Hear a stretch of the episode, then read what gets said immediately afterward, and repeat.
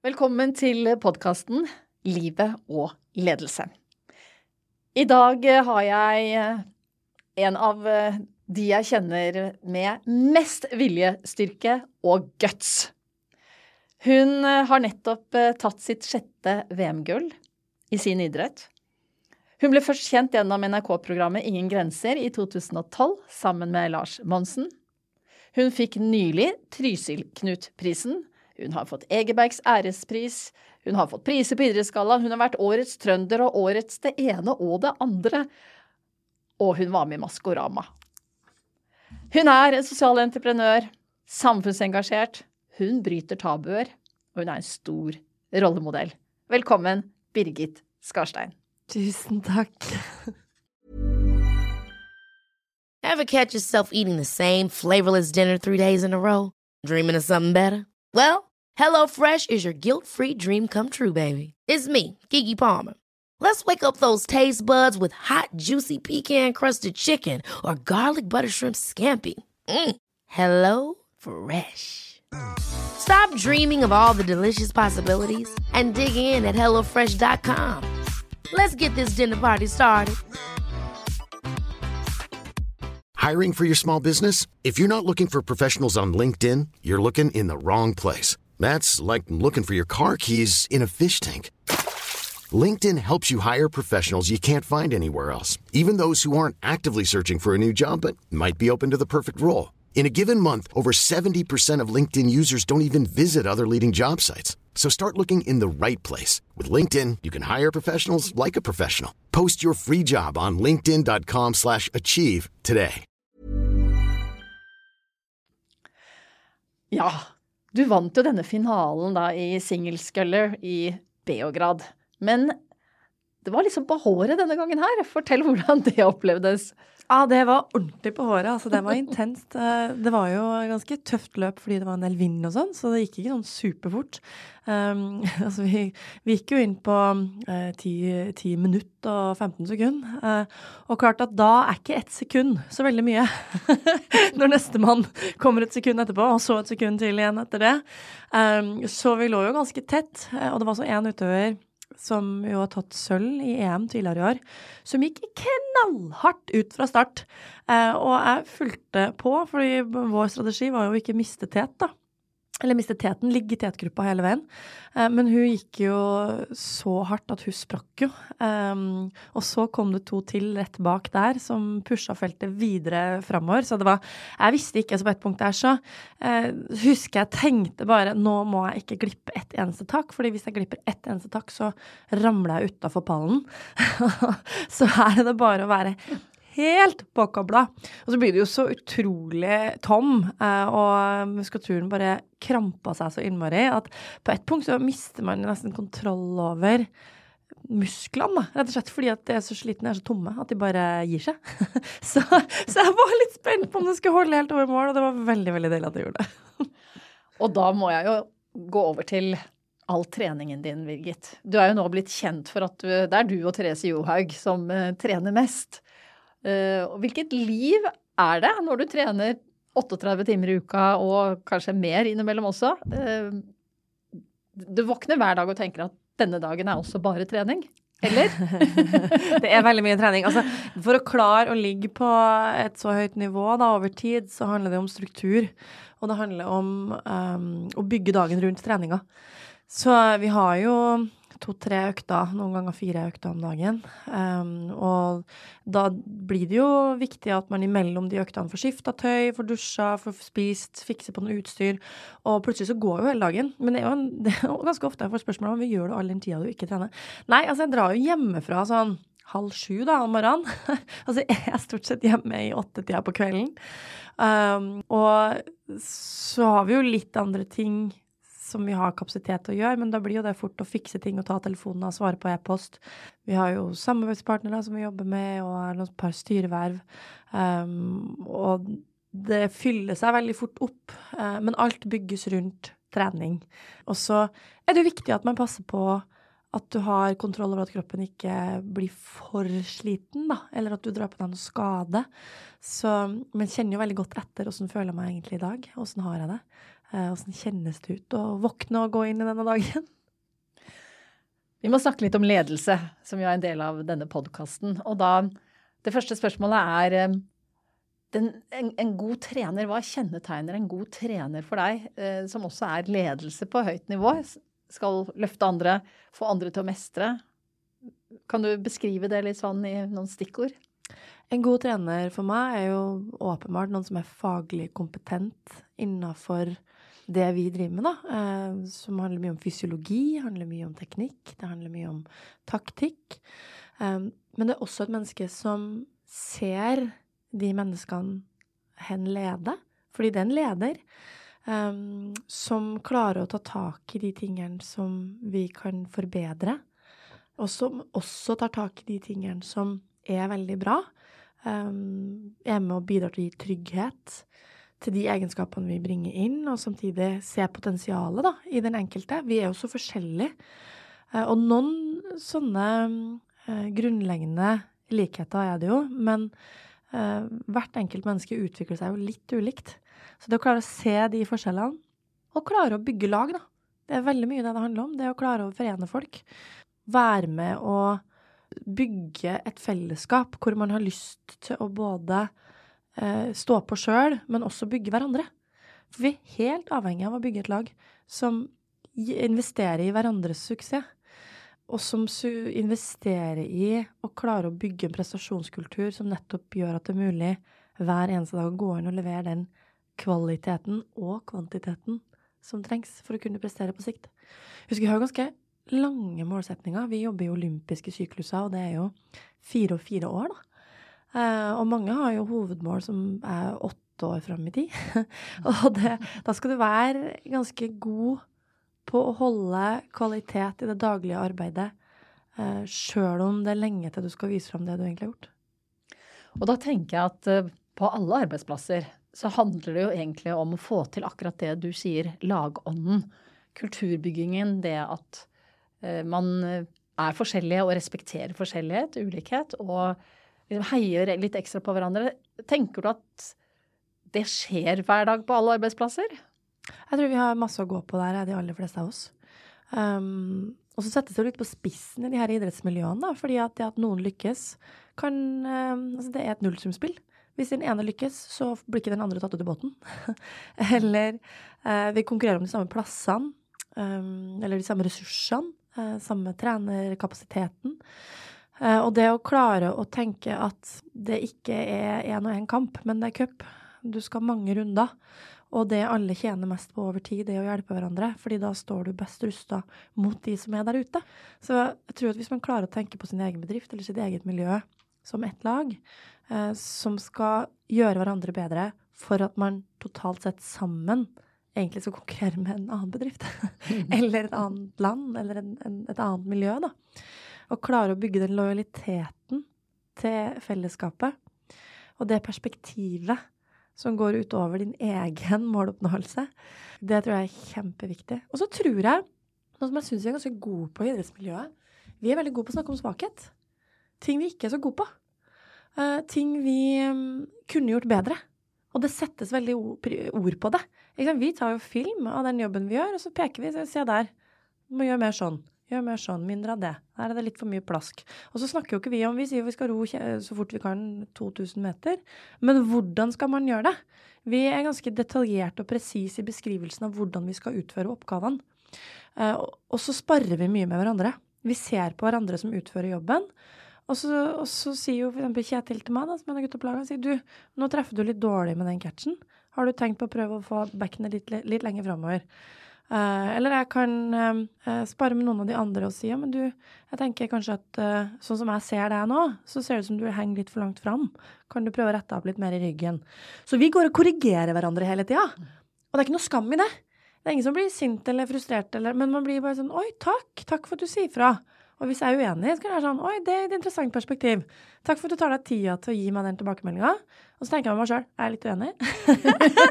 Eller så sier jeg jeg er faktisk uenig, for jeg ville heller gjort det sånn. Hva tenker du om det? Og så sier de enten ja, du, jeg skjønner hva du mener, men der har du en feilslutning for de. Eller å, ja, det har du faktisk rett i. Nå så lærer de noen ting. Så vi har en tilbakemeldingskultur som er veldig kontinuerlig og veldig presis og tydelig, og som har lite følelser. Vi evaluerer ut, altså følelsesløs, som vi kaller det. Vi evaluerer oppgave, ikke person. Og gjennomføring, ikke person. Og så bygger vi heller de menneskene på menneskelige ting, da, i tillegg. Her tenker jeg at det er veldig mye å lære, for nettopp det med tilbakemeldingskultur på en arbeidsplass, uansett hvilken bedrift og hvor stor eller liten den er, er kanskje noe av det vanskeligste både å gjøre som leder til medarbeiderne, og også kolleger imellom. Fordi det lett kan bli følelser, som du sier. Og det å f.eks. kommentere på atferd, da, er ofte vanskelig. Samtidig som atferd er veldig viktig på en arbeidsplass. Fordi du må forholde deg til andre rundt deg. Du kan ikke være naturmenneske hele tiden. Så hva tenker du om Hvis du skulle vært leder, ville du tatt med deg veldig mye av det du har lært fra idretten i de tingene du har fortalt til nå? Ja, det tror jeg ville gjort. Altså, vi har jo atferdsmål. Og de blir jo vi enige om, selvfølgelig under ledelse av en leder, da. Så det, det, er jo litt styring på det, men vi alle sammen forplikter oss til atferdsmål, fordi det handler om hvilke verdier er det vi legger til grunn, hvilke holdninger er det som kommer av de verdiene. Hvordan oppfører man seg hvis man sier at man har et gitt verdigrunnlag? Eh, og hva tror vi på? Vi tror at du skal være på tid, f.eks. Vi tror at du skal ta med deg det utstyret du skal ha, eller skal gjøre de forberedelsene du skal gjøre. Tror på at man skal ha et offensivt mindset inn i gruppa. Og når vi har satt en del sånne her ting på papir, så det er lettere å ta tak i de og peke på de og henvise til de hvis vi opplever at noen ikke har de. Um, og så er det også et litt ekstremt arbeidsmiljø, fordi vi er sammen seks dager i uka, og så er vi veldig mye på reise sammen. Så vi spiser mye frokost sammen, mye lunsj, mye middag, mye kvelds. Vi er lange dager på tur. Um, vi opplever skuffelser, vi opplever glede. Uh, det opplever også en del sorg, fordi livet skjer mens man er på disse reisene og mens man er i de loopene her. Um, så det er sterke følelser, og da blir man jo av og til litt karikert i utgave av seg sjøl. Um, og så er vi gode på å avstemme med oss sjøl hvordan oppleves jeg nå inn i en prestasjonsgruppe? Hvordan påvirker den måten jeg nå ter meg på, omgivelsene mine? Um, og så gi hverandre tilbakemelding på det. Som du sier, altså gi hverandre tilbakemelding på hvordan man oppfører seg. Vi kan si sånne ting som du, når du kommer inn og du er så brysk, så skaper du litt negativ stemning i rommet. Kan du gå ut og prøve på nytt? Her er det mye å lære for mange ledere som lytter på, og også de som er medarbeidere. Men også litt avvæpnende. Ja, altså det er liksom, vi tuller rundt det, men det adresseres. Mm. Og vi er nødt til det, for ellers så smeller det på et eller annet tidspunkt. Du får ikke til å gå og glatte det ut, fordi nettopp man opplever så mange ekstreme emosjoner og situasjoner at du må ta ting fortløpende. Vi kan ikke drive og samle opp til, til kvartalsvis evaluering. Vi må gjøre det underveis. Eh, og, så, og så er vi ganske gode på å se hverandre inn i øynene. Og dette hadde min, min forrige trener var kjempegod på dette. Hver dag når vi kom til Årungen, så møtte han oss i døra. Og så så han og sier, og det tok jo bare et par minutter for han stå der med en kaffekopp. Så så han hver og en inn i øynene og sa 'God morgen'. 'Hei, hvordan har du det i dag?' Og så visste jo vi da, når vi så han inn i øynene, så så han ganske fort om vi hadde mye energi, om vi var lav på energi, om vi var trist, om det var et eller annet. Eller om vi så ganske vanlige ut. Uh, og så svarte vi også ikke bare 'nei, det går fint'. Vi svarte Vet du hva, i dag er jeg litt sliten, men det går bra. Takk. Eller um, I dag går det kjempefint. Uh, takk. Hva med deg? Dette er interessant fordi at eh, jeg har jo jobbet som toppleder i så mange år, og også det med arbeidsmiljøundersøkelser, hele tiden stemme ut hvordan har folk det på jobb. Og da kan det komme opp så enkle ting som at en mellomleder f.eks., eller en leder eller en kollega ikke hilser. Ikke sant? Ikke, tenker ikke over det. Den den bare den heien eller den lille klappen på skulderen eller skal jeg ta med en ekstra kaffekopp til deg òg.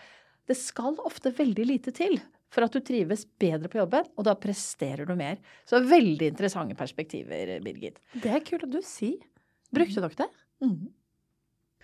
Jeg tenker vi har lyst til å høre litt om selvledelse, for det syns jeg det, det gjelder oss alle, da. Hva er dine knep og dine råd til det å jobbe med selvledelse og kombinert med de verdiene man står for? Oi, det er et stort spørsmål.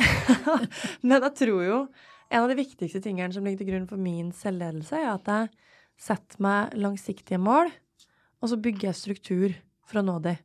Og så er jeg lojal mot det det innebærer å nå det målet. Og så prioriterer jeg knallhardt. Eh, du kan ikke ha Du kan ikke ha mer enn ett altoppslukende mål. Det går ikke. Um, men du kan ha et altoppslukende mål og et ganske oppslukende mål. men å alltid ha en prioritering på hva det er som er viktigst, og hvorfor, det hjelper meg å ta beslutninger i hverdagen som er i tråd med de overordna målsetningene, også når det går over flere år. Uh, og når jeg har bygd en struktur, når jeg har bygd en rutine, for det er også veldig viktig Det må ikke ta så mye valg, men bare uh, sette opp en plan uh, og si dette og hvis jeg, skal, hvis jeg, skal, ta noe valg, så er det å avvike fra planen i så fall, og da må jeg ha en begrunnelse for det. men i utgangspunktet går jeg bare inn og så effektuerer jeg den planen, og den planen er detaljert. hver dag er lagt opp ganske omstendelig. Um, og så hver søndag så går jeg gjennom hele neste uke og ser, ser planen fremdeles oppnåelig og smart ut, ut ifra sånn som jeg fungerer akkurat nå. Eh, eller må jeg flytte på noe, eller hente meg inn et sted? Eh, og sånn sett så klarer jeg å kalibrere egen kapasitet ganske tett på det jeg effektuerer, for å unngå å gå på en smell og samtidig få maksa kapasiteten, hvis det gir mening. vet du hva jeg tenkte på nå? Jeg har et lite forslag til deg. Du må skrive en lederhåndbok. well, jeg vet, jeg vet, ikke om dette egentlig er litt sykelig, da. Kan det være etterfølelse? Den, Men man får gjort ganske mye. ja, den ville jeg anbefalt til veldig mange, for å si det sånn. Eh, det med mm, veien Du har jo lykkes vanvittig i så mange år. Eh, du hadde jo da du debuterte for ti år siden, og du har jo hele tiden eh, trent med, med de funksjonsfriske på landslaget. Og så sier du litt nå at nå er kanskje Paris OL siste idrettsreise for deg. Er det det? Ja Det er litt vanskelig å si. Fordi det her er jo Altså, det å drive med toppidrett, det er jo ikke noe jobb. Det er en tilværelse. Det er en livsstil. Um, og den er, den er ganske altoppslukende. Den tar mye kapasitet. Tar mye tid, men gir også enormt mye glede.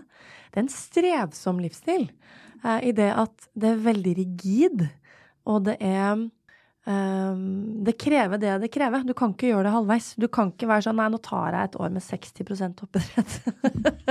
det, det er liksom fullt trøkk, eller så gjør du noe annet.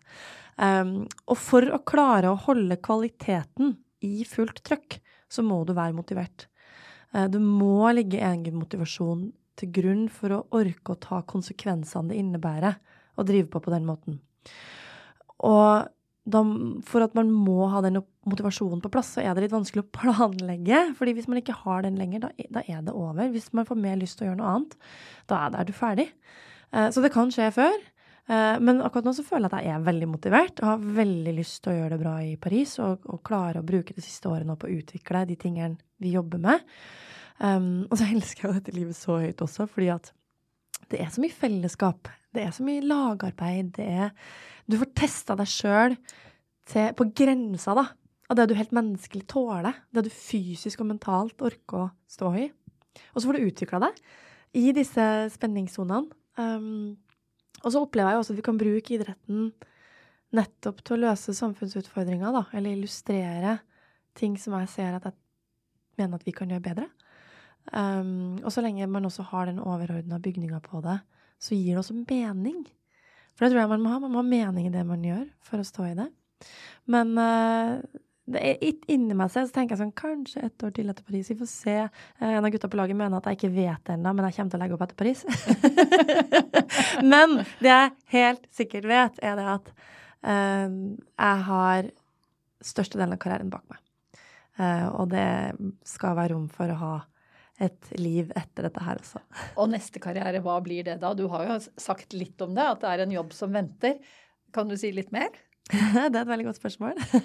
Prøve å Nei, vet du hva. Akkurat mest så er jeg jo her nå, så har jeg prøvd å utvikle noen av de egenskapene som jeg tror er viktig å ha med seg i livet etterpå.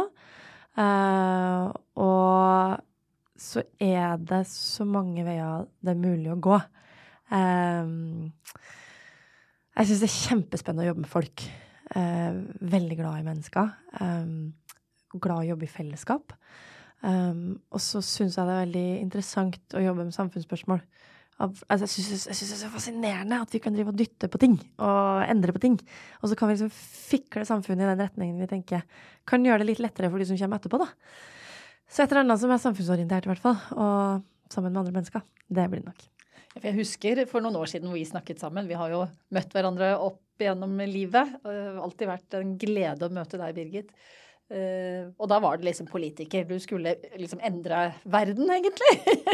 og så har du jo fått veldig mange spennende verv også. Uh, IOC, uh, World um, Økonomiske forumet i Davos har du jo vært med, og kronprinsessen har jo også invitert deg inn i en del sånne forumer. og det den, de kampsakene dine, hvor, hvor, hva er de fremover, tror du? Jeg vil ha et uh, likeverdig samfunn hvor vi tenker fellesskap, hvor vi klarer å utfylle hverandre. Um, og hvor det er plass til alle. Ikke som en sånn her er det plass til alle, men en helt selvfølgelig uh, sak at dette samfunnet er for et mangfold som er det mangfoldet som er der ute. Altså, vi, vi, er nødt til å klare å være rausere og mer inkluderende i hvordan vi utformer samfunnet, eh, hvordan vi utøver det, eh, både på arbeidsplasser og eh, i fritidsløsninger. Ikke sant? Altså, det skal være Det skal være rom for de som er her. Og så tenker jeg jo at vi må legge inn aksjer for at det samfunnet vi nå er en del av, skal legge et godt grunnlag for det som kommer etter. Eh, med tanke på klima og miljø, f.eks. Vi må innrette oss på et vis som faktisk reflekterer at vi har denne jorda til låns, eh, og ikke til eie. Um, så uh, noe som bygger fellesskap, bygger tilhørighet, bygger mangfold, um, og klarer å gjøre det strukturelt. For det er da du får størst konsekvens over tid. Da må jeg spørre deg, når du bruker ordet mangfold eh, Jeg som har jobbet så mye med likestilling og feminisme i egentlig hele mitt liv, og fortsatt så er det viktig på agendaen. Hvilket forhold har du til likestilling? Idretten er jo én ting. Der kan man jo sikkert mene en del om Det er mange menn der som sitter på makten og tviholder på den makten. Eh, men også da samfunnet for øvrig. Høre hva du tenker. Nå er jo Nå skal jo kvinnene, om man ikke vil, så må de inn i styrene nå. Det er på en måte tvang. Så det at vi må det nå i 2023, er jo eh, synd. For det burde jo gått av seg selv. Hva tenker du sånn i det perspektivet rundt likestilling? Altså, det er en av de tingene som jeg ikke forstår forstår at skal være et så stort problem, at det krever så mye. Altså, vi i Norge som er eh, kommet så langt, likevel har så langt igjen til å være helt likestilt, det fatter og begriper jeg ikke. Altså, det, det er litt som uh, Hvorfor i all vide verden skal vi drive og diskutere legninga til folk? Slutt med det! Altså, det er likeverdig. Kjærlighet er kjærlighet. Slutt å lage et problem av noe som ikke burde være et problem. Som ikke er et problem, som vi skaper til å bli et problem. De derre eh, kjønnsstereotypiene og det at det skal være så utrolig Igjen, det er jo strukturelt. Det henger jo igjen. Det tar jo kjempelang tid å fikse. Fordi det er så mye det er, det er så mye som må eh, dyttes på. Uh, samtidig. Uh, og, men samtidig ser vi jo at det skjer jo ting. Jeg så her om dagen en sånn intervju, uh, sånn Tid på gata, da Gro Harlem Brundtland ble statsminister. Du har sikkert sett det. hvor de går og intervjuer. Hva tenker du nå om at Gro Harlem Brundtland er statsminister? Og da er det liksom flere av de der gamle mannfolka da, som intervjuer som sier sånn Nei, det føles litt feil med en kvinnelig statsminister. Og nå er vi jo heldigvis ikke der lenger at det føles feil å ha damer i maktposisjon. Det er dårligste argumentet. Altså det, da, det argumentet, det må dø. Dette føles feil. Vet du hva, Kan du beskrive hvorfor det føles feil? Takk. Eller komme med et rasjonelt argument som ikke går på liksom din opplevelse. Fordi vi skal bygge noen ting som er, går beyond din opplevelse. Det er, det er, ikke nødvendigvis relevant for flere. Med mindre du kan belegge den følelsen med noe eh, litt mer rasjonelt. altså, altså det, er, det er jo ikke et argument at det føles feil å ha en kvinnelig toppleder. Slapp av. Hva tenker du, du som har sett dette her over så mange år? Altså, hvor, hvor frustrert blir du over at dette her ikke er ordna ennå? Nei, jeg har jo på en måte vært eh, en som har sittet i maktposisjoner sånn at jeg har kunnet løfte kvinnene og heia på dem. Og dratt mange bra damer. og skrevet også faktisk for Redaktørforeningen en bok som het 'Slik drar du bra damer'. I, i, i en liten håndbok for å, liksom knekke koden. Hvordan du skal få de kvinnene på kroken. da. For det er litt annerledes å rekruttere kvinner i topplederstillinger enn å rekruttere menn. Og det må man kunne noe om. da, så Dette handler også om struktur, som du sier, øh, og, at, og, og egentlig kunnskap. Og alle har jo glemt at Gro Harlem Brundtland i sin tid ble kvotert inn. ikke sant? Øh, så Hun ble jo miljøvernminister, og, så ble hun jo da statsminister og senere. Så det er mange som er historieløse også. Så det er klart, alle rollemodellene i vårt samfunn, det har jeg vært opptatt av. Og jeg har jo kunnet som redaktør vise dem frem. Ja, intervjuet dem. Eh, du er her nå. Det at de syns, da, og at de tør å bruke stemmen sin, og tør å bruke den i offentligheten, sånn som du gjør. Tør å stille på TV. Helst direktesending på Dagsrevyen. Det er noe av det beste du kan gjøre. Da blir du ikke klippet. Så, men det handler litt om mot, da. Og det er det jeg tenker med deg også, Birgit. At du alle de vervene, alt du har gjort. Du har valgt å en, ha en offentlig stemme også. Det er jeg sikker på du kommer til å fortsette med. Og det motet ditt, det må du si litt om. Hvor kommer det fra? Åh oh, um, Jeg har jo hatt en veldig uh, Jeg har jo kjent på kroppen sjøl at uh, det ikke er alt som er helt uh, rettferdig, om man kan si det sånn, da. Um, at jeg vil være med. ikke avskriv meg. Fordi du tenker et eller annet om hva jeg kan eller bør gjøre. Det, og da har jeg jo tenkt at hvis man vil ha noen ting Mamma brukte alltid å si det da vi var små. Hvis du vil ha noe gjort, må du gjøre det sjøl. og så brukte jeg også å si eh, det blir ikke mer artig enn du lager sjøl. så jeg tror jo at eh, det er som en sannhet, modifikasjon av, for du må alltid ha med en eh, vi der. Det er ingen som får gjort noe alene. men du kan være med å dytte på rammene. Um, og så syns jeg jo det var jeg synes det var litt provoserende. altså Jeg skada ryggen og ble lam, og da var det plutselig mange folk som begynte å si sånn Ja, men dette her er jo ikke noe for deg, eller du kan jo ikke gjøre sånn. Så, men hvorfor det? Hvem er det som har sagt det? Bare fordi du ikke har sett det før, betyr jo ikke at ikke det går. eller hvem er du til å sitte der og synse ting om min kapasitet, eh, basert på dine forutsetninger og dine fordommer, rett og slett, da, eller manglende kunnskap eller, eller erfaring du ikke har fått. Um, og liksom som du sier det der med at det er jo ingen som er synlig. Og da jeg ble lam, hvert så var det ingen som var synlig i mediebildet. Nesten. Unntak av Cato Zahl Pedersen, kanskje. Um, altså som jeg kom på da, i hvert fall. Uh, og det å ha men se mennesker rundt seg som gjenspeiler den virkeligheten du lever i, um, det tror jeg er kjempeviktig. For å være, både være representert, men også for at andre skal se deg som en naturlig del av sin mm. verden. Um, og så syns jeg det er viktig å si ifra, da. Og så syns jeg det er veldig viktig å ikke bare eh, si fra hva som er feil, men også komme med noen forslag på hvordan det kan gjøres bedre. Og det er også mye mer effektivt. mye lettere å få gjennomslag for det. og da føles det Altså, jeg har vært veldig redd for å være til bry da, og ta for mye plass og være sånn klagete og sånn, men hvis man liksom prøver å snu det og være litt sånn konstruktiv, pragmatisk, løsningsorientert, og samtidig tydelig, og gjøre det med et smil, så kanskje man kan få endra igjen, da, noen strukturer. Eh, noen ting som betyr mer, da, eh, enn hver enkelt eh, utfordring. Og så har jeg tenkt at hvis jeg melder meg opp på over tid, og gjentar det samme igjen og igjen og igjen, så etter hvert så må du begynne å gå inn. og så tror jeg jo, sånn som f.eks. i politikken, da, at vi, vi, trenger å ha et mangfold av folk som engasjerer seg, fordi at alle sammen kjenner skoa på litt forskjellig vis.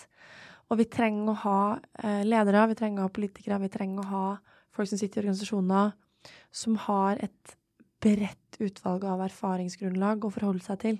Fordi da er det aller lettest for de som har um, mandat og myndighet til å fatte avgjørelser, å ta avgjørelser som faktisk er representative for så mange som mulig. da. Og da kan ikke jeg sitte der og vente på at noen andre skal gå og ta den rollen. Da må, kan jeg like gjerne rekke opp hånda sjøl og si hei, jeg har et forslag. det er bra. Rekke opp hånda, det er liksom Pippi filosofien. Jeg tenker vi må Det vi har snakket om nå, fordommene, det å melde seg på, rekke opp hånda. Vi har fire, i hvert fall fire ting til felles. Vi kommer fra, du kommer fra Levanger. Jeg har slekta mi på, i Trøndelag, på Levanger annet.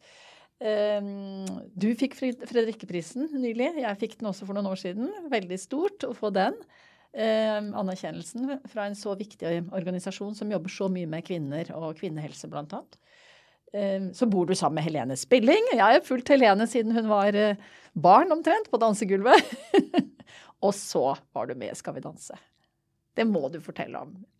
Og altså, danset med Philip Robbe. Ja. Altså, for et uh, For et uh, For en boble. jeg trodde jo altså, Da jeg først skulle være med inn der, så tenkte jeg at dette her er så fjernt for meg. Fordi jeg er jo vant til svett treningstøy og melkesyre og eh, slim i halsen og alle sånne sportsting. Han går jo stort sett uten sminke, fordi man orker ikke å sminke seg når du skal dusje to ganger tre ganger om dagen. ikke sant? Eh, og en dag så kom jeg inn eh, på kjøkkenet på Årungen og hadde med maskara. Og en gutta sa sånn Hva er det du skal for noe? Har du pynta deg? Hatt med maskara. Hvis det er der terskelen ligger. så det var liksom min referanse når jeg kom inn i dette paljettuniverset. Og så var det jo altså så gøy. Og jeg har kanskje vært litt sånn fordomsfull for sånn fjas. Uh, og vært sånn Du, dette har ikke jeg tid til. Uh, jeg skal gå og gjøre noe ordentlig. Um, men så er det jo så utrolig forenende og både kulturbyggende, igjen da, for det mangfoldet man ser der. Det er så gøy. Jeg var med den der koronahøsten, hvor, altså 2020, hvor alle sammen satt hjemme i isolasjon. ikke sant? Det å kunne ha noen ting å glede seg til, og som var farger, som var glitter og paljetter og fjær. Altså, vi trenger bare av og til å bli litt glad. og, og så er det jo enormt mye hardt arbeid for å levere noen ting. Det å skulle ut live på en parkett og gjøre noen ting du ikke kan, men som du har lagt hjertet ditt i å prøve å få til, det er ganske sårbart. Hvis du gjør det med en ironisk distanse, ikke like sårbart. Hvis du gjør noen ting som du er god til, altså fra før Jeg blir jo nervøs når jeg skal ro, men jeg kan jo ro. Jeg vet jo eh, hvordan jeg skal jobbe for å få til det. Her er man mye mer på dypt vann. Eh, og du skal gjøre det sammen med noen. Um, det Jeg syns det krever så mye mot av alle som er med på det. Og du skal gjøre det live, og du skal bli dømt live av noen folk som uh, sitter og synser om det du gjør. Um, og så skal du dømmes av seerne over hele Norge etterpå. altså, det er jo virkelig ekstremsport, det der. Og det er masse personlig utvikling i det. Jeg tror vi har så godt av å uh, ta et skritt utafor komfortsonen støtt og stadig, og kjenne på det kjenne på at du står litt ustødig. Uh, og hvis du ramler, så går det bra. Og hvis du heller på beina, så går det også bra. Men Skal vi danse var, det var artig, gøy, utfordrende, lærerikt. og også ganske tøft. Nettopp fordi at jeg var førstemann i rullestol. Og det var ikke, det var ikke bare bare, det heller.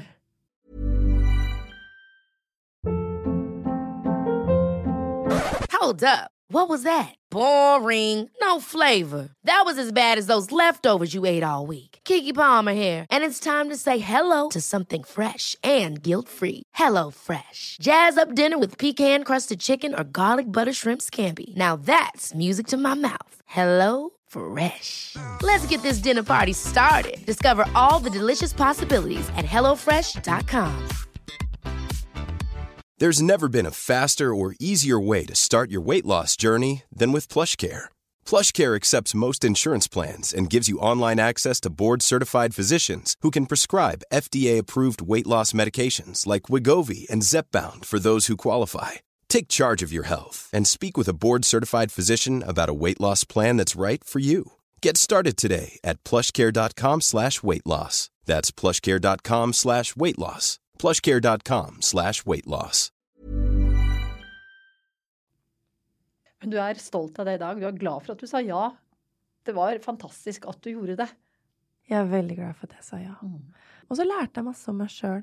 Og jeg lærte også mye eh, Og det var kanskje mest, liksom, eller noe av det som var mest brutalt med det. Og nettopp, som du sa, jeg er jo på det olympiske laget i roing. Um, hos oss så har vi en flat struktur. Om du er kvinne eller mann, er du på samme lag. Om du er olympier eller paralympier, spiller ingen rolle. Altså, Klassen min i roing heter Women Arms and Shoulders. Den heter ikke Women No Legs. Det er ingen som bryr seg om at de beina ikke virker. Det, liksom, det handler bare om hvordan kan vi maksimere utbyttet av det du har tilgjengelig. Hvordan kan vi bruke de egenskapene du har til å prestere så godt som overhodet mulig, og hvordan kan vi også uh, kamuflere dine svakheter i så stor grad som mulig. Så vi har et veldig sterkt forhold til styrker og svakheter. Det er veldig avklart. Uh, men det er på ingen måte diskvalifiserende. Det er bare et annet, men likeverdig utgangspunkt. Um, mens i Skal vi danse, så um, Nettopp det at jeg ikke brukte beina, ble så problematisk for mange å forholde seg til. Og selv om jeg gjorde masse såkalte beintrinn, da, men jeg måtte gjøre de med hjul, så var det vanskeligere for folk å kjenne igjen de. Det var vanskeligere å dømme de fordi de ikke skjønte hva slags type jobb som lå bak, da, å kunne gjøre det, eksempel. Eller hvordan vi måtte jobbe med trinn og løft og sånn. Altså, eh, det var vanskelig for andre å forholde seg til min funksjon, og så trakk man en konklusjon på hvorvidt jeg burde vært der eller ikke. Og for meg som er, er vant til en hverdag som er så likeverdig på det menneskelige plan, hvor utfordringa ligger i trappa, eh, og fysisk utforming av ting, egentlig, så var det å bli møtt med at andre hadde en Eh, mening om hvorvidt jeg hørte til eller ikke, basert på min fysiske funksjon. Det var sånn rart for meg. Men også veldig nyttig og lærerikt og interessant, altså. Eh, og så tror jeg jo det var viktig å være der og være med og vise at Ja, for det første, altså det som var en sånn enkel tilbakemelding, var folk som mente at nei, men du kan jo ikke danse. Og i det hele tatt få vise at jo, det kan jeg. Eh, og før jeg var med i Skal vi danse, nesten hver gang jeg var på fest eller var på bryllup, eller noe sånt, så kom det alltid noen bort og sa Hei, kan jeg ta et bilde av at du danser? Jeg vil så gjerne vise det til en venninne eller en slektning eller en kollega som ikke tør å danse pga. et eller annet. Det har faktisk ikke skjedd siden Skal vi danse. Så jeg tror vi liksom fikk gjort en sånn kollektiv realitetsorientering på at alle har en dansekropp. Alle som vil danse, kan danse. Og det er dans å gå ut på dansegulvet. Uansett hva du danser med. Er du ikke enig? Du kan jo dans! Ja, veldig fint. Jeg var med Skal vi danse, jeg også. Ja. Og jeg heiet jo selvsagt masse på deg. Jeg så jo hvor mye du hadde trent, og hvordan dere hadde løst trinnene, som var helt imponerende. Jeg vet jo hvor vanskelig det er uh, å danse. Uh, mye vanskeligere enn man tror. Så den parketten, den nervøsiteten selv hvor scenevant du er, eller om man er mye på TV. Alle har den i seg i Skal vi danse, og det er jo veldig spesielt. Men alle lærer noe av det. Og mm. det gjorde du òg, og det gjorde helt sikkert Philip, som du danset med også. Men hva vil du si at ut, Hvordan var det du utvikla deg mest? Hva var det som var mest krevende for deg?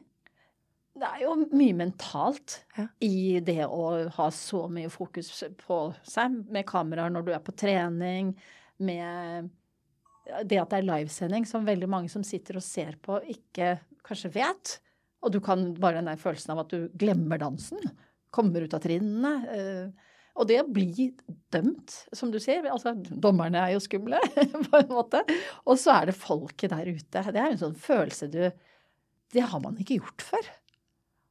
Men å komme ut av den bobla likevel, og med det fellesskapet som du sa, det er å bygge fellesskap, det er jo det man får til. Og det, ja, virkelig Skal vi danse er det sånn terningkast seks, det fellesskapet som man kommer ut med, da. Som du kan bruke videre i livet. Hvor du kan bygge andre rundt deg, enten du er leder eller kollega eller venn eller ja. Ja, Man må være flink til å heie på hverandre. Ja, det er det. Ikke sant? For det gjør man i Skal vi danse, selv om man er konkurrenter. Og det skjer jo ikke overalt, verken i arbeidslivet eller i andre i alle idretter, da. Men i Skal vi danse, for eksempel, så har vi jo de her Altså, de sendingene Det blir jo som en konkurranse, egentlig. Fordi du kommer ut, og så er alle liksom veldig høye på at 'Å, dette greide vi', eller 'dette greide vi ikke'. Og så har du fått karakterer, og så debrifer man ved hverandre. Er vi flinke nok i arbeidslivet til å gjøre de feiringene og debrifene når man har gjort uh, hatt heftige prosjekter? Det er derfor jeg mener at du skal skrive bok. om ledelse, for dette er jo virkelig kjernen i ledelse. Eh, ikke bare fra lederen og til medarbeiderne, men medarbeiderne imellom. Laget som du snakker så flott om, og som er så viktig del av det du har opplevd. Da. Men da må jeg også spørre eh, Møtet med Helene. Dere klikka jo liksom sammen. Fortell om det. Og vi møttes jo på Skal vi danse. Hun dansa jo med Nate. Mm. Uh, og jeg dansa med Philip, og Helene og Philip kjente hverandre godt fra før, for de har dansa sammen tidligere. Uh, og det var jo Helene og Philip sin første sesong, og det var jo åpenbart min og Nate sin første sesong også, i og med at vi var deltakere. Uh, og det var korona, så alt var stengt. Grunnen til at jeg kun var med på Skal vi danse, var jo at alle konkurransene hadde blitt avlyst av korona. En idrettsutøver klarer ikke å være med på Skal vi danse med det rigget som er, med mindre det er et eller annet spesielt, sånn som med Maren Lundby, eller det er korona, sånn som det var med meg. Eh, fordi det krever såpass mye da, å ha en aktiv idrettskarriere at det, liksom, det å skulle legge mer opp på det er, for tøft. Um, men denne høsten her hadde jo alle egentlig veldig mye tid. Um, vi trente jo mye, selvfølgelig, men vi var jo isolert, vet du. Oslo var jo stengt ned. Og de var kjemperedde for å få korona på sett. Så vi fikk jo bare lov til å ha én nærkontakt hver. Og jeg fikk ha Philip. Uh, og Helene hadde Nate. Altså, og så kunne vi være sammen og sitte to meter fra hverandre. på tvers av parene.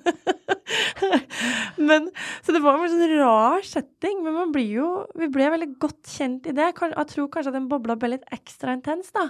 Fordi i perioder her så åpna jo samfunnet opp, men da stengte jo vi enda mer ned. For da kunne ikke vi være sammen med noen andre, for da var det mer smitte der ute. Så vi var, vi levde i en sånn parallell verden i eh, nesten fire måneder, ikke sant? Altså, det er så lenge òg. Og da blir man godt kjent på godt og vondt. Og Helene hadde måttet flytte tilbake til Norge fordi hun hadde vært i Litauen og dansa. Og øh, det ble jo også forbudt ikke sant, når det var korona. Så hun hadde kommet hjem og måtte liksom finne ut litt hvordan skulle gjøre ting framover, da. Jeg hadde jo da endt opp med å uh, bo alene. Og hadde jo da lederom, plutselig, i leiligheten. Så da ble vi enige om nei, skal vi ikke bare fortsette å bo sammen. da? Jeg skulle jo til OL da, året etterpå, ikke sant? Og måtte jo fortsette å leve ganske skjerma. Så den dagen den, Helene kom jo til finalen med Nate. Og den dagen etter finalen så eh, måtte hun flytte ut av en sånn hybelleilighet da, som alle danserne bodde på. Og da bare kjørte jeg ned dit og henta alle tingene hennes i bilen, og så kjørte vi hjem til meg, og da flytta hun inn. og det har vært kjempehyggelig. Og igjen, da, når du bor sammen i så streng lockdown som det vi har gjort, så blir man jo Da blir man jo som familie. og nå har det plutselig gått tre år, da. Det er veldig hyggelig. Og nå heier du også på Martin Ødegaard. Ja, gjør jo det. jeg har sett noen Instagram-bilder hvor navnet hans kommer frem med dere to i sofaen. viktig å heie på hverandre. Heia Norge! Det Heia Norge. Vi må snakke litt om det vanskelige livet. Du har jo vært åpen om det tidligere, og, men det er bare greit å liksom gjenta den den spesielle historien som skjedde da i Malaysia i 2009. En badeulykke, og det handlet egentlig om en ødelagt ankel i utgangspunktet. Og så går det veldig galt i en operasjon i Norge. Bare fortell litt kort om hva som skjedde i forhold til det at du da ble lam fra livet og ned når du var 20 år. Ja, jeg skulle bade. Jeg bodde i Asia en periode. Eh, og så skulle jeg bade i Malaysia. Og så hoppa jeg fra en sånn mur og ned i sjøen. Det var ikke noe høyt heller, var et par meter. Og så traff jeg et eller annet, mest sannsynlig noe søppel, eh, som lå på havbunnen. Og så kvesta jeg det ene beinet ganske hardt. Så eh, jeg slo av begge leggbeina og knuste ankelen. Det var et ordentlig stygt åpent brudd. Og um, så fikk du jo satt på det beinet igjen, da. Men så, fordi det var et så ekkel skade, så måtte de lappe det sammen og flytte rundt på liksom bein og muskler og hud og sånn fra andre kropp, deler av kroppen, da. Uh, for at den foten skulle henge på ordentlig. Og uh, det gikk veldig fint. Jeg fikk det til. Fikk satt den på og um, tok av det som var liksom gips og skruer og, og sånn. Og så skulle vi bare ha én siste operasjon der de skulle flytte litt bein ifra hoftekammen og ned i leggbeinet, fordi det var litt, det var litt bein som var borte derfra så eh, stakk de en epidural. Og så traff de feil, sånn at epiduralen gikk inn i ryggmargen. Og så fikk jeg feil dose. Fordi at uh, epidural, altså epi altså, Inni ryggmargen tåler mindre medisin enn utafor ryggmargen, så jeg fikk ti ganger for høy dose. Uh, og så fikk jeg den over for lang tid. Så han nevrologen um, som var inne hos meg etterpå, han sa det vel så pent som at de svei av et nivå i ryggmargen. Og da ble jeg lam uh, fra livet og ned, da. Og da var jeg 20. Hvordan beskriver du den følelsen? For dette kjente du jo før du fikk fakta på bordet. Det var helt absurd. Det er jo en sånn greie som skjer med noen andre, og ikke deg. Det er sånn som man leser om. Um, så Det første var jo at jeg bare kjente at jeg mista jo gradvis følelsen, da, fordi at jeg lå med som pumpe, så den forsvant mer og mer. Uh, og syntes jo det var litt ekkelt å miste følelsen i beina. Um, og hver dag så var litt mer borte. Uh, og så, så, jeg sa jo fra om det, og da sa jeg sånn nei, det er helt normalt.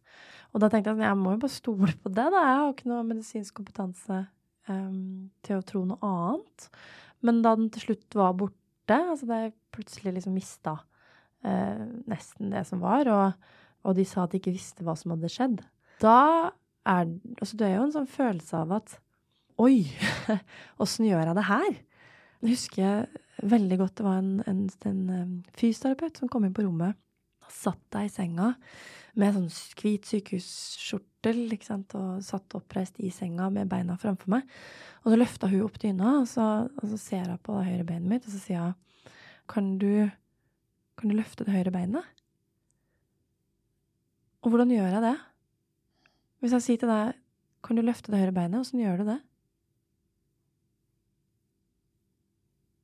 Ja, man kan jo det, men du kunne ikke det. Ja, men Hvordan gjør du det?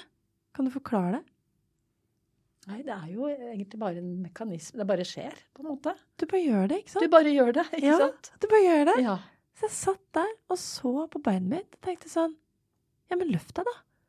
Og så innså jeg plutselig Jeg vet ikke hvordan jeg løfter beinet.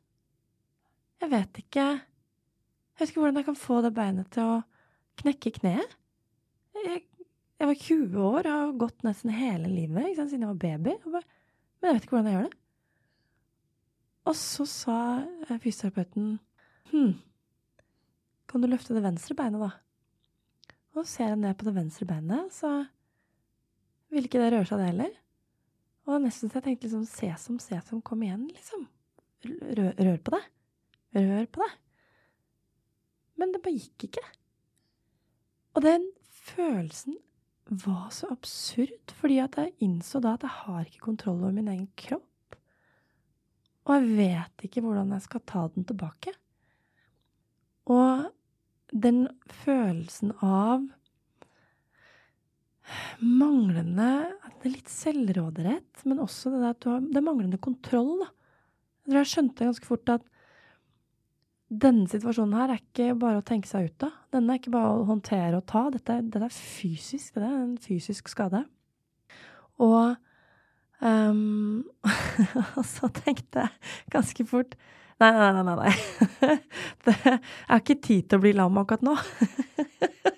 Jeg har så mye greier jeg skal fikse. Jeg har så mye på planen. Jeg har en seminaroppgave som skal inn på universitetet. Jeg studerte statsvitenskap. Jeg har ikke tid til å bli lam nå! Da rekker jeg ikke å bli ferdig med den seminaroppgaven. Og så tenkte jeg altså jeg passer veldig dårlig til å være lam. Jeg har altfor rastløst til å være lam. Dette dette er ikke bra for min type personlighet, vet du. Så hvordan i all verden skal jeg gjøre det? Hvordan kan jeg være lam på min måte? Fordi dette her Dette virker ikke å liksom være en perfect eh, match made in heaven. Og da Utrolig historie. Ja, det er jo liksom derre og, og så er det sånn Det er ingen som kommer inn og gir deg en sånn håndbok i å være lam, liksom. Eh, det er ikke sånn 'sånn gjør du det', 'how to do it', dette er en oppskrift, dette er en bruksanvisning. Du må bare finne ut av det, da. Og da er det så mange ting som du bare må finne ut av. Og jeg er så glad for at jeg ikke visste hvor krevende det skulle være. Fordi da var jeg liksom, gikk jeg inn i det med sånn der ungdommelig mot og bare var sånn Ja ja, OK, men da tar vi den. Den er grei. Dette skal gå bra. Og det er jo kanskje litt det man trenger òg, da. Du greide jo på en måte å tenke at dette går bra. Eh, men du har jo sikkert hatt, og jeg vet jo også, du har jo snakket om det, oppturer og nedturer. Det har vi jo i livet alle sammen, sånn sett. Men, men du fikk noe som, ble, som du ikke hadde planlagt, for å si det sånn. Så når kom nedturen, og hvordan greide du å snu det? For du greide jo å snu det til at du skal aldri gi opp drømmen om alt du hadde lyst til å gjøre i livet. Å ja, husker jeg jo ganske fort så lagde jeg meg en sånn liste som heter 'Du er heldig som har'. Eh, og den lista hadde liksom Du har to sterke armer, du har et klart hode, du har taleevne, du har en kropp som er fri for kreft og syster, blodpropp og masse andre ting. Du har kapasitet da, til å håndtere veldig mye. Så, så det her går fint. Og den var litt til meg, fordi at jeg kjente jo på de begrensningene som lå i det å ikke kunne gå. Altså bare det at du fikk så dårlig balanse, ikke sant, når du mister hofte og nedre mage og rygg og sånn. Eh, så bare å sette seg opp i senga gjorde at man liksom kjente på den der Det var som å sitte på en sånn balansepute. Så bare det å sitte oppreist var veldig ustabilt. og det er klart, hvis det er eh, Du skal ikke mer enn å sette seg opp før du kjenner på begrensninga. Så var det litt viktig å huske på hvilke styrker jeg hadde der. Og så var det også for alle de som kom på besøk. Så de skulle se um, at jeg ikke bare var de beina. Alle snakka om de beina som ikke virka, ikke men at jeg var mye mer enn det. Um, og så prøvde jeg å sammenligne med alt igjen av disse sykdommene jeg ikke hadde. For det kunne vært så mye verre. ikke sant? Det kunne ha vært mye, mye verre. Det kunne ha vært uh, andre ting som jeg hadde slitt enda mer med. Jeg husker jeg tenkte litt på locked-in syndrom, f.eks. Hvor du jo ligger um, fullstendig paralysert. Jeg hadde jo vært for armer og, og, skuldre og overkropp. ikke sant? Altså, ha det som utgangspunkt, da, og prøve å tenke halvfullt og ikke halvtom. Og, og tenke på de tingene jeg fremdeles kunne gjøre. Og bruke energien på de. Og så stanger man jo hele tida borti ting man ikke kan og ikke får til. Um, men å heller se liksom, OK, men ok, dette er vanskelig. Hva er det som er vanskelig ved det? Kan jeg gjøre det på en annen måte? Prøve å kvitte meg litt med de uh, referansene jeg hadde fra før. Jeg må ikke kvitte meg med det, i hvert fall legge til nye referanser, da. Og så sånn, ok, men det var dette som er utgangspunktet. Ikke sammenligne med det som hadde vært. Ikke sammenligne med det som skulle bli, fordi tross alt ingenting er lovt. Det er ingen som gir deg en bok når du er født som er sånn sånn skal livet bli. Det vet du ikke. Um, og heller ikke uh, sammenligne med sånn som det kunne vært. Og, og, og, heller sette en strek i sanden og si dette er mitt nye utgangspunkt. Dette er det jeg må sammenligne med nå. Dette er det jeg må, må ha som en start. Jeg kan ikke tenke på at det kunne vært annerledes, fordi for alt jeg veit, så kunne jeg blitt påkjørt av trikken dagen etter at jeg ble lam. Så jeg kan ikke sammenligne med hva som hadde vært om jeg ikke hadde blitt sånn, fordi det veit jeg ikke. Jeg kunne vært død. Da er dette mye bedre. Men det er jo en fantastisk eh, historie du forteller i forhold til å gi andre håp også, fordi det som skjedde med deg Du ble jo du ble ikke bitter. Du satte deg jo ikke ned og tenkte at ja, hvorfor ble det deg? Det er klart det var urettferdig at det ble akkurat deg, og at det var en feil på et sykehus. Men, men du greide å ikke bli bitter. Gjorde du det? Ja, men altså, noen ble truffet av en bil. Noen havner i en, en, en en båtulykke, ikke sant. Uh, noen blir utsatt for blind vold. Uh, noen går langt ned gata, og så ramler det ned en isklump fra et tak. Altså, det er ingen som har lovt noen ting, da. Vi har Jeg tror i hvert fall at de, mye i livet er så flaks og uflaks, liksom. Du er en innside, det er stang inn, det er stang ut. Noen vinner i Lotto. Altså, vi får de tingene vi får å forholde oss til, og jeg syntes det var kjempekrevende å bli lam. Det er kjempekrevende å få en sånn livsomveltende hendelse. Og jeg var jo vant til å være høyt og lavt. Jeg er jo 1,80 høy, en stor dame, alltid vært aktiv. Var den som hvis vi var på tur, tok en ekstra sekk for de andre. Og det å nå i det hele tatt slite med å bære ikke min sekk engang, men å få transportere meg sjøl, um, det var en kjempeomveltning. Så jeg kjente liksom at jeg har ikke kapasitet da, til å forholde meg til mer enn det jeg må for å komme meg framover. Jeg trenger å bruke alle ressursene jeg har til å komme meg tilbake til livet mitt. Og det ble målet mitt veldig fort. Jeg skal tilbake til livet mitt. Og jeg skal ta med meg rullestolen inn i mitt liv. Jeg skal ikke putte mitt liv i rullestolen. Og det betyr at jeg må finne en måte å få med meg den stolen inn i mitt liv på. Fordi stolen er min beste venn. Altså Når jeg hører folk si sånn 'du er lenka til rullestolen' og sånn Æh, Vet du hva? Å ikke ha den rullestolen hadde vært veldig mye verre enn å ha den rullestolen. Så jeg tenker at den rullestolen må jeg bare tenke på som min beste venn. Eh, og så må jeg bruke den som et redskap til å få mitt liv til å funke så bra som mulig. Men jeg var veldig opptatt av at man skulle sørge for å skjerpe rutinene. At man skulle finne, på, finne ut hva det var som hadde skjedd. Skjerpe rutinene, identifisere hvor det hadde gått gærent. Fikse det, så det ikke skulle skje igjen. Fordi jeg kjente at jeg får ikke enda dette. Dette er ikke mentalt. Jeg har en fysisk skade i ryggmargen. Det var jo noen som var sånn her Ja, men du må være villig nok. Handler ikke om vilje. det handler om om min ryggmarg er skada eller ikke. og hvordan den rent fysiologisk eh, henger sammen. Det kan ikke jeg overstyre. Jeg kan pushe grensene, jeg kan trene eh, for å utnytte maksimalt den kapasiteten jeg har tilgjengelig i min kropp, men jeg kan ikke kjøpe meg cella til ryggmargen. Det går ikke. Men vi kan passe på at det ikke skjer igjen. Fordi hvis vi kan bruke den erfaringa vi gjorde med meg, for å unngå at noen andre skal bli lam, så er det verdt all innsats vi kan. Um, men jeg kommer ikke til å bli kvitt den lammelsen av å bli sint. Det er jo fantastisk eh, Hva skal jeg si? Den, den holdningen du greide å Eller den du snakker om nå, det du viser, det du har vist i alle disse årene, Birgit. Det, man kan jo, kan jo tenke at man, forsoner seg aldri med en sånn ulykke og en sånn historie. Men her sitter du og har masse kraft og masse energi. Du vil være med å påvirke samfunnet. Du tenker jo at du ikke får følelsen tilbake. Det, jo, det har du forsonet deg med. Og den, det å forsone seg i livet når ting ikke går som man tror, det er jo en krevende øvelse. Men det må vi jo innimellom gjøre, da. Mm. Jeg tror vi trenger å rekalibrere. Og så tror jeg det er kjempeviktig å ta inn over seg konsekvensene av det man er uh, det, man, det, som skjer, da. Å være ærlig med seg sjøl på det. Det syns jeg jo idretten også er veldig god på. Det er veldig upfront. Du får det resultatet du får. Det må du forholde deg til. Uh, du må stå i det. Altså vi, når vi har gjort et løp, så går vi gjennom pressesonen etterpå og må stå til ansvar for det vi har levert. Uh, og det vi har levert, er et produkt av det vi har prestert over tid. og det må du stå i.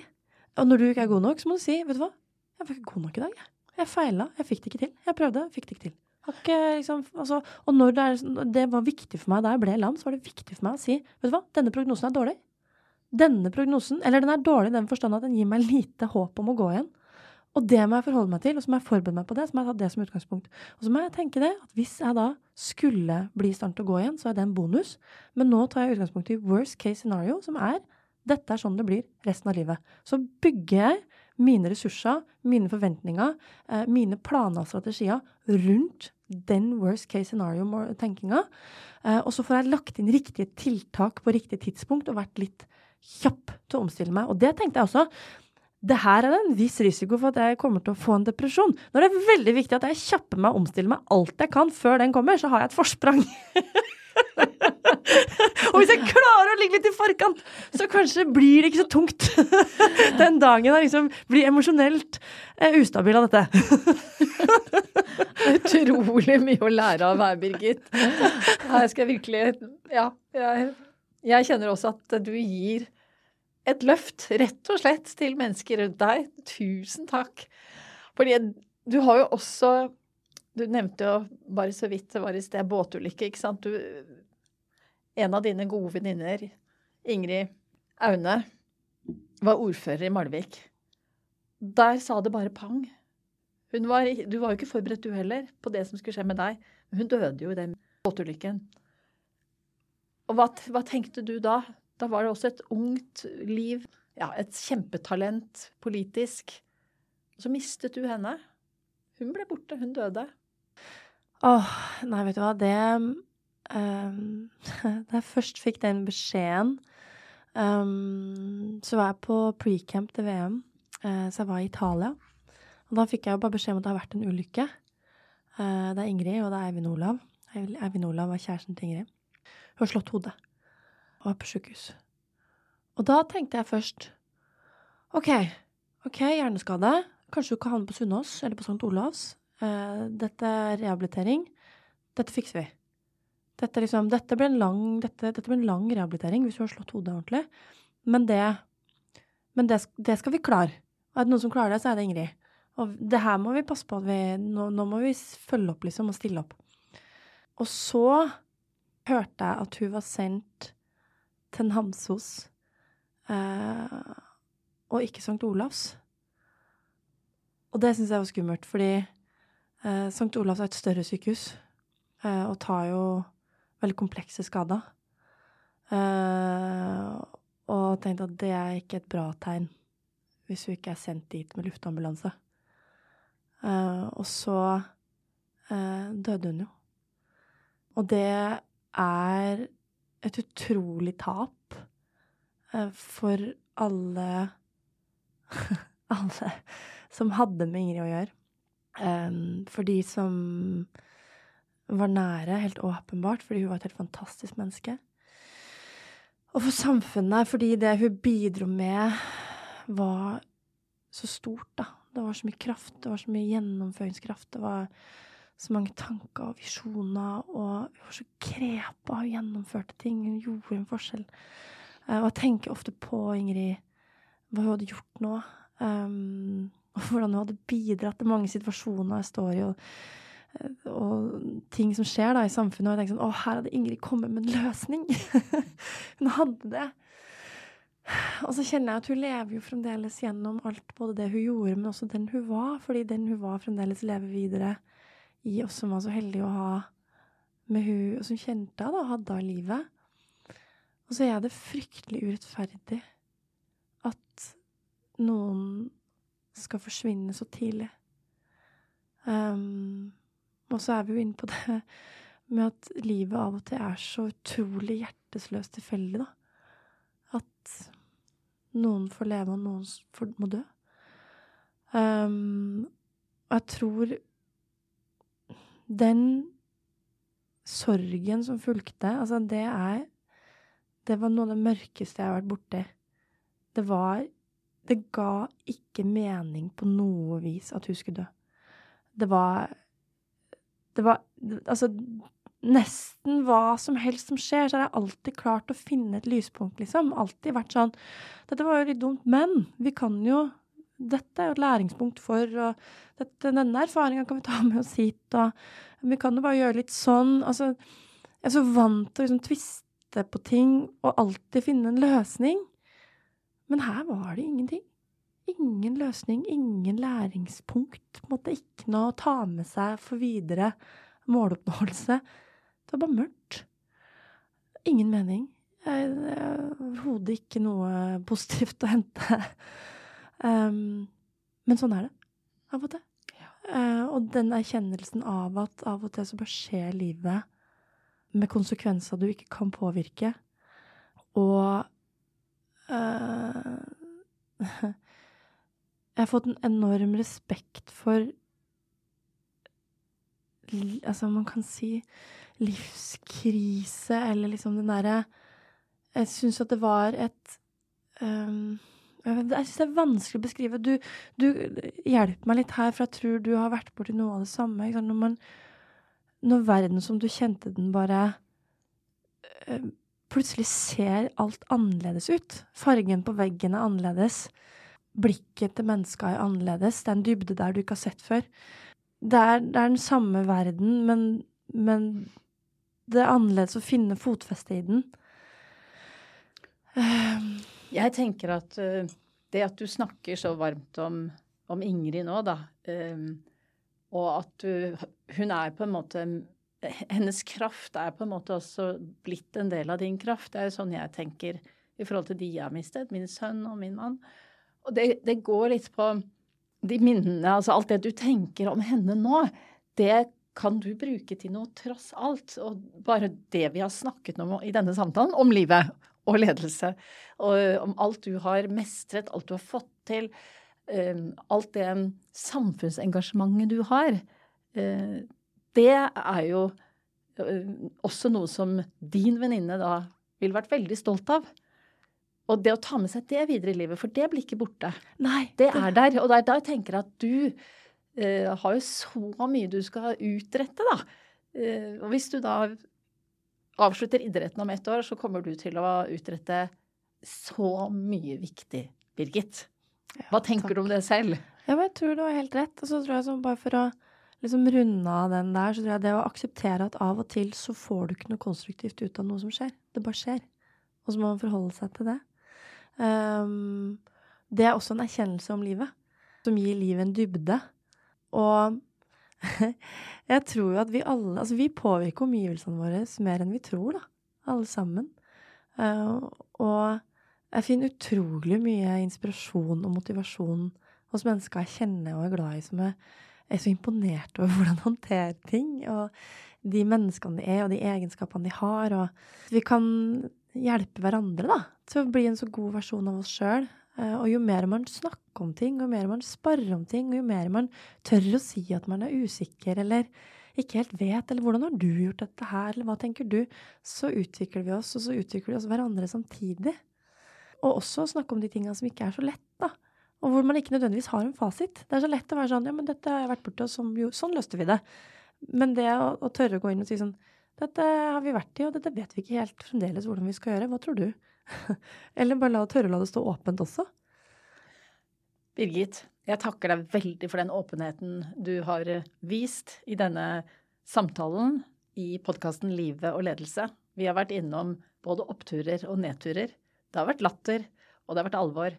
Og jeg ønsker deg så masse lykke til fremover. Nå er det idretten som står i hodet ditt, i hvert fall. Ett år til. Og så er jeg helt sikker på at du kommer til å ha en viktig stemme i samfunnet videre. Tusen takk for at du ville komme til meg. Takk for at jeg fikk komme.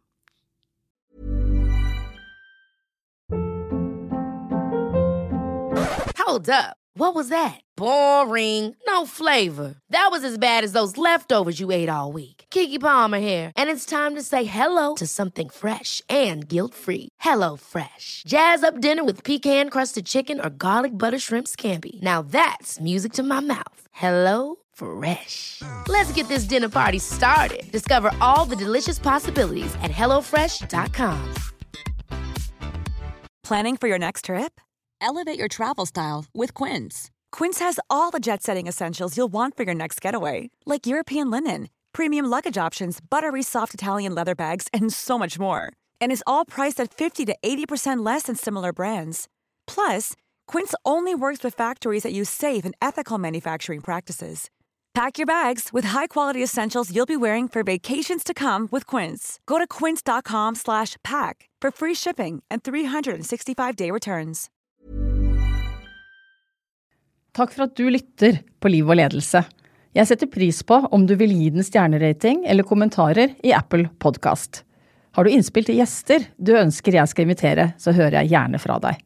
Sjekk ut Instagram-kontoen Liv og ledelse, og følg oss gjerne der. Du kan trykke følg eller abonnere på denne podkasten i den podkastspilleren du bruker. Vi høres! En podkast fra Storypeople.